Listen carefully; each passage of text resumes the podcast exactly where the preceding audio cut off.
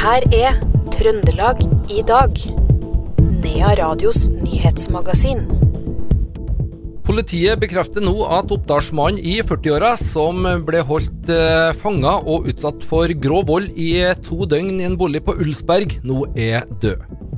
Og kommunestyret i Holtålen vedtok i dag enstemmig å åpne opp igjen Gaurdalsløypa. Dette er noen av overskriftene i Trøndelag i dag, tirsdag 19.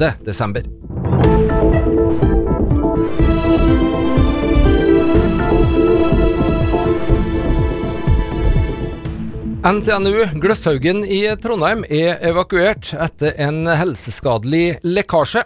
Tre personer skal ha vært i rommet da lekkasjen oppsto. Ingen er skada, skriver Adresseavisa. Det er ukjent om noen har vært i kontakt med stoffet som har lekka ut. Selve lekkasjen er ikke stor, det er snakk om en mindre sprekk i en kolbe. Det er fortsatt uklart hvilke stoffer det er snakk om. Den aktuelle laben ligger i fiberbygget på Gløshaugen, og instituttet driver med materialtesting. Statsminister Jonas Gahr Støre sier han nå håper på en løsning også med den andre reineiergruppa på Fosen. I går ble den ene gruppa enig om en avtale med Fosen Vind etter mekling. Avtalen innebærer også at vindturbinene blir stående, men at reineierne får kompensasjon og erstatningsområde for beite.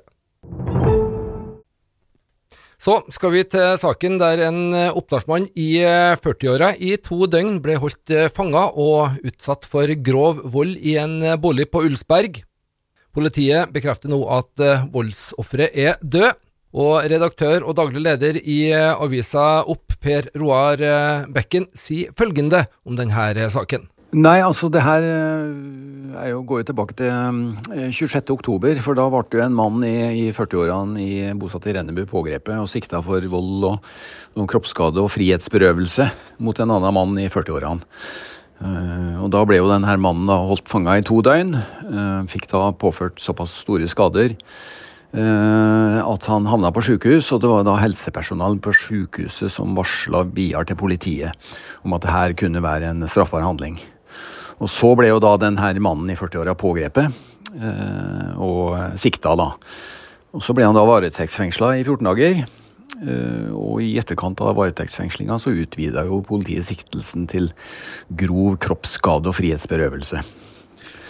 Og så det siste nye da er jo at uh, offeret fornærmede i denne saken her nå altså er død. Noe politiet bekreftet oppe i dag. Og da snakker vi om uh, det som en potensiell drapssak.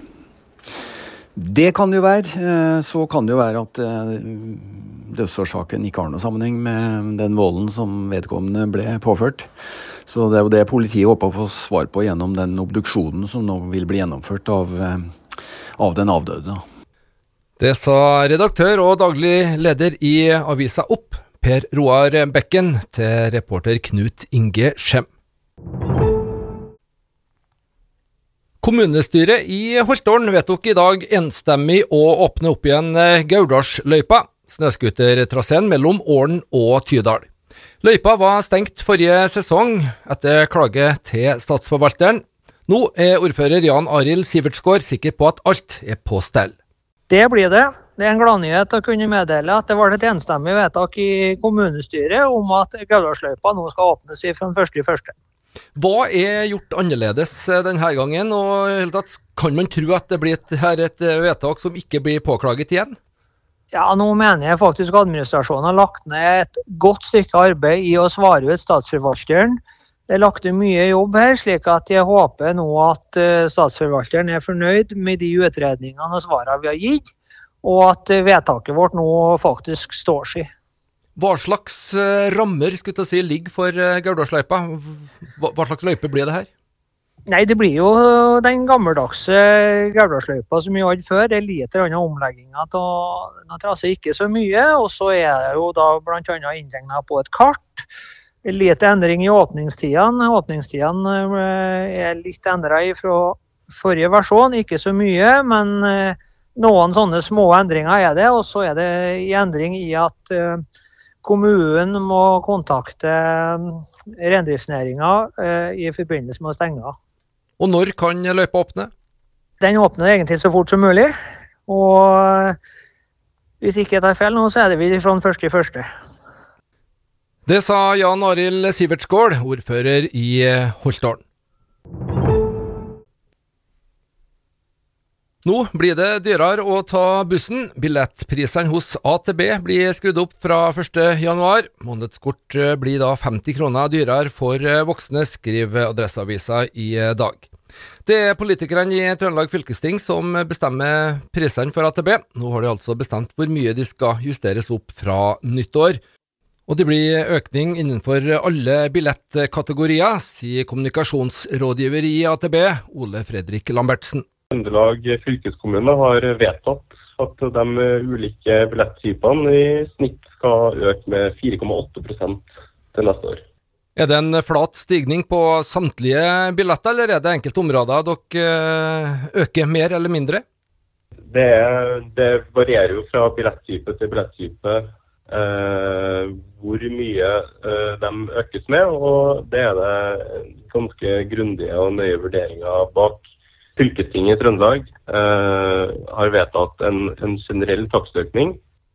Og så vil det hver billettype ville variere eh, for hver billettype hvor mye den økninga er på. Eh, F.eks. kan det være noen billettyper som eh, økes med la oss si 5,5% uten at jeg har det eh, i hodet nøyaktig hver hvor mye hver billettype økes.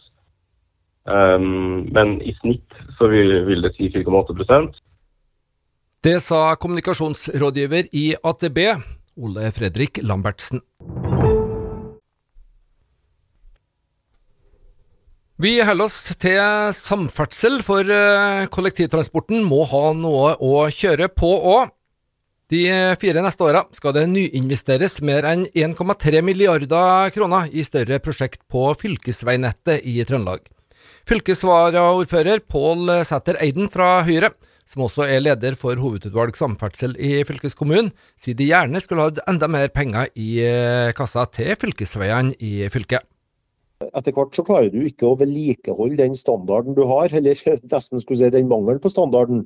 Så du, du bare fortsetter å, å, drive strøing og brøyting på, på veier som forfeller mer og mer. og Da ødelegger du egentlig den kapitalen, den veikapitalen, den verdien som du har i veiene. Den, for, den forringes år for år. og Det gjør at det blir større og større etterslep. som da du, Før senere må du gjøre noe med, å, med vedlikeholdet, og da blir det mye dyrere når du ikke, ikke velger å ta det etter hvert. Så det, det var det som egentlig var vår intensjon med det valgkampløftet, og, og, som jeg håper vi skal klare å få til med et politisk flertall etter hvert. Da. Nå har jo de siste dagene vært et forferdelig vær. da. Det har vært eh, holke, og veldig mange har jo etterlyst veivedlikeholdet og mener at det er på et eh, lave nivå. Spesielt hører vi jo dette her fra lastebilnæringa. Hva sier hovedutvalgslederen om det? Ja, jeg kan dessverre bekrefte, for jeg ødela min egen privatbil i går. Så det ble vel skada for 150 000-200 000. Og det skyldtes jo at veiene rett og slett jeg mista rett og slett veigrepet. Eide, man burde jo forvente at det, var, det, det, er penger til strøing i et land som Norge. Det blir glatt på denne tida av året, hvert år. Ja, og Dermed så er man også avhengig av politikere som evner å prioritere det. og Det fikk vi ikke den gangen her, så det håper jeg vi får til neste gang. Det sa fylkesvaraordfører Pål Sæter Eiden fra Høyre til reporter Knut Inge Skjem. Politiet er overraska over hvor fort enkelte bilister kjører på det dårlige føret. UP-sjef Anders Skjøtre sier til Adresseavisa i dag at de tidligere i uka har stoppa flere bilister med altfor høy hastighet i Torbjørn Bratts vei på Nardo i Trondheim. Dette er et høyt antall og høyere enn forventa. Vi ga 22 forenkla forelegg. Høyeste hastighet ble målt til 76 km i timen i 50-sonen, sier han. Og det endte i førerkortbeslag. Nye Veier har kunngjort den første av flere konkurranser for utbygging av ny trafikksikker E6 i Trøndelag. Det skriver NRK nå i dag. Den første konkurransen omfatter prosjektering og bygging av firefelts vei med fartsgrense 110 km i timen mellom Ranheim og Sveberg. De forventer å signere kontrakt i løpet av sommeren 2024, og veien er planlagt åpna for trafikk i løpet av 2026. Byantikvaren i eh, Røros beklager overfor Trykstad Trygstad bakeri og konditori håndteringa av saken om eh, blinkende julelys. Tidligere i desember så fikk da bl.a. Trygstad brev om ureglementær bruk av julelys. Dette førte til at Trygstad rett og slett slo av lyssløyfa som viser fasaden på huset. Det var det vi hadde i eh, Trøndelag i dag, tirsdag 19. desember. Du finner det her og alle andre program i denne eh, serien også som eh, podkast. I studio Per Magne Moan.